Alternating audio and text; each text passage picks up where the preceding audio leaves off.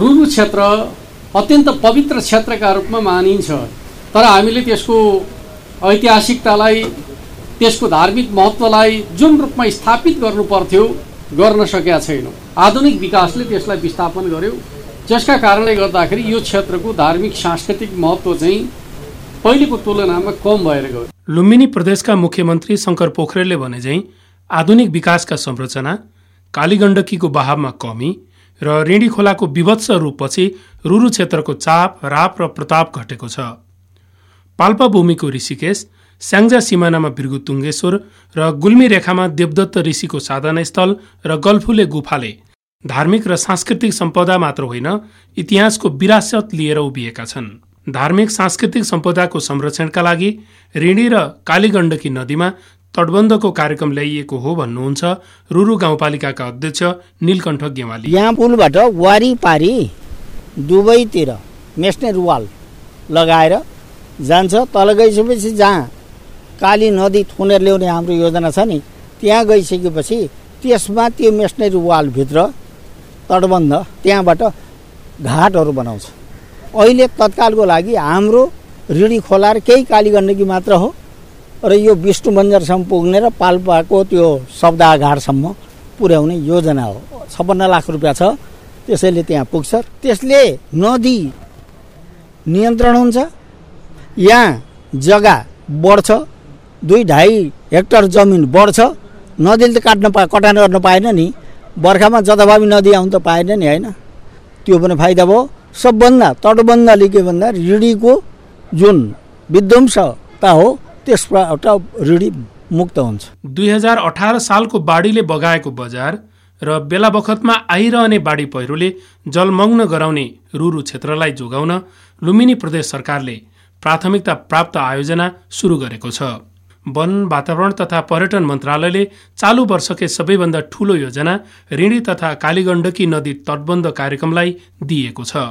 ऋषिकेश रुरु क्षेत्र व्यवस्थापन समितिका अध्यक्ष परशुराम भट्टराईले करिब अठाइस सय मिटर लामो पक्की पर्खाल सहितको तटबन्धले नदीले गर्ने कटान र क्षति रोक्ने विश्वास गर्नुहुन्छ। रिडी बजारमा रिडी खोला र काली गण्डकीको भावले यसले कटानले यो क्षेत्रलाई धेरै दुःख दिएको थियो र धेरै नोक्सान गराएको थियो। ठुला ठुला बाढीले सहरै अठार सालमा बगायो। अहिले पनि कटान भइराखेको छ। यो कटानलाई अब यो वाल आरसिसी वाल उठाएर अठाइस सय मिटर वाल उठाइदिँदाखेरि पाल्पातर्फ ऋषिकेश भगवान्को परिसरको तल र गुल्मी बजारतर्फ रेडी बजारतर्फ सोह्र सय अस्सी मिटर बनाउँदा करिब यो बजार संरक्षण भयो भगवान्को मन्दिर पनि सुरक्षित र संरक्षण भयो। त्यो तटबलले बनाएको खेर गइराखेको अप्ठ्यारो ठाउँमा परिराखेको कटानले मिचिराखेको गइराखेको जमिनलाई अब माटो फिलिङ गरेर त्यसबाट केही भौतिक पूर्वाधारहरू बनाउने चाहिँ यो गुरु योजनामा छ। स्नान घाट जस्तै बनारसमा छ हरिद्वारमा छ हाम्रो पनि यहाँ त्यस्तै बन्दैछ हरिद्वारमा जस्तै स्नान घाट छ आरसिसीबाट स्नान घाट बनाउने कुराहरू छ सबडा गृहहरू बनाउने कुरा छ। नदी कटान भएको भुछे भइराखेको ठाउँमा तडबन गर्ने जाली लगाउने कामहरू भइराखेको छ हुने योजना छ। धेरै राम्रो अब हुन्छ भन्ने हामी आशा गरेका छौँ। यसका धर्म र यहाँको संस्कृतिलाई जगेडा गर्ने कुराहरूमा यसले हामीलाई ठुलो महत्त्व दिन्छ भन्ने कुरामा लागेको छ। अब हामीले यहाँ राम्रो क्वालिटीको काम कसरी हुन्छ र छिटो कसरी हुन्छ हामीले पनि कन्ट्राक्टरलाई राम्रो सहयोग गर्नुपर्छ र क्वालिटीको काम यहाँ बन्नुपर्छ भनेर एउटा सहजीकरण समिति पनि छ। म त्यसको समितिको छ महिना छ महिना गर्ने गरेर पाल्पा र गुल्बी गरेर पालो गरेर संयोजक पनि भएको छु। मलाई लाग्छ यो एउटा ऐतिहासिक धार्मिक यहाँको भगवान् ऋषिकेशव संसारमा शालिग्राम पाइने ठाउँ यही नै हो। भगवान् ऋषिकेशवको विग्रह संसारमा यहाँ बराबर कहीँ छैन। आफै उत्पत्ति भएको एउटा यसको इतिहास छ। यो पहिलो दोस्रो तेस्रो चरण दस वर्ष लाग्ला। अब यसको काय पलट हुन्छ? हिन्दू धर्मावलम्बीले नेपालका चार धामका रूपमा पवित्र तीर्थस्थल मानेको रुरु क्षेत्र ऐतिहासिक सांस्कृतिक र पर्यटकीय महत्त्वले पनि प्रसिद्ध छ। पशुपति मुक्तिनाथ बरा क्षेत्रले आज पनि उत्तिकै महत्व पाइरहँदा रुरु क्षेत्र सम्पदाको संरक्षण र विकासमा राज्यको प्राथमिकता पाउन सकेन। राजमार्गहरूको विकास कालीगण्डकी ए जलविद्युत आयोजनाको सञ्चालनपछि रुरु क्षेत्र सुक्खाग्रस्त बन्यो। कालीगण्डकीमा पानीको बहाव मात्र कमी भएन तीर्थयात्री आगमनमै घट्यो। रुरु गाउँपालिकाका अध्यक्ष नीलकण्ठ गिवालीले गुरुयोजना अन्तर्गत काम सुरु भएपछि रुरु क्षेत्र उत्थानको युग आरम्भ भएको बताउनुहुन्छ। हाम्रा योजनाहरू धेरै छन्। हामी यहाँ के गर्दैछौँ? पुराना मन्दिरको जीर्णोद्धार गर्दैछौँ।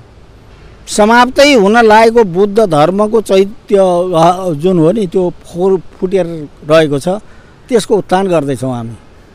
ऋषि महर्षिहरूले तपस्या गर्ने गलफुल गुफाको उत्थान गर्दैछौँ।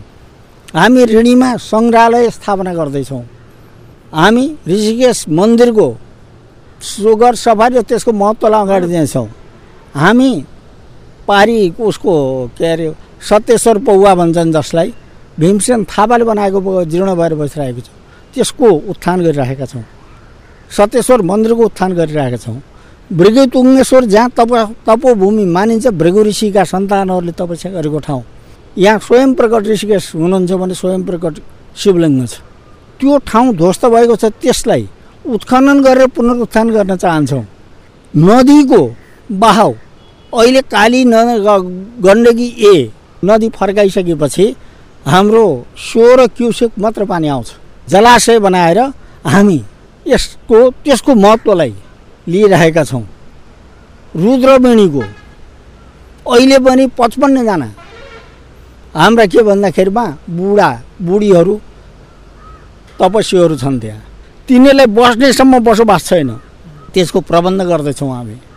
धार्मिक दृष्टिकोणले आउने मान्छेहरूलाई मासु जसले देख्न चाहन्न मांस रुचाउन्नन् मांस भएको होटलमा जान्नन् तिनको लागि। हामी स्थापना गर्दैछौँ। शाकाहारी होटलहरू बसोबासको प्रबन्धहरू। यसले ऋणीको महत्त्व बढेन। विनाश र उत्थानको समय आउँदो रहेछ। एउटा एउटा काल हुँदो रहेछ विनाशको। अहिले विनाशै विनाशको काल थियो। अब उत्थानै उत्थानको काल छ हाम्रो। ऋणी ऋणी बन्छ। कालीगण्डकी करिडोर मध्य पहाडी राजमार्ग र मदन भण्डारी राजमार्गको केन्द्र भागमा रहेको रिडी धार्मिक पर्यटकीय गन्तव्यका रूपमा विकसित गर्ने प्रदेश सरकारको योजनाले यस क्षेत्रका मानिसहरू खुसी भएका छन्। पहिलो चरणको कार्यक्रमसँगै पाटी पौवा र सत्तलहरूको संरक्षण जलाशय निर्माण र सम्पदाहरूको पुनर्निर्माण गर्न सके रुरु क्षेत्र साँच्चीकै धाम बन्नेछ।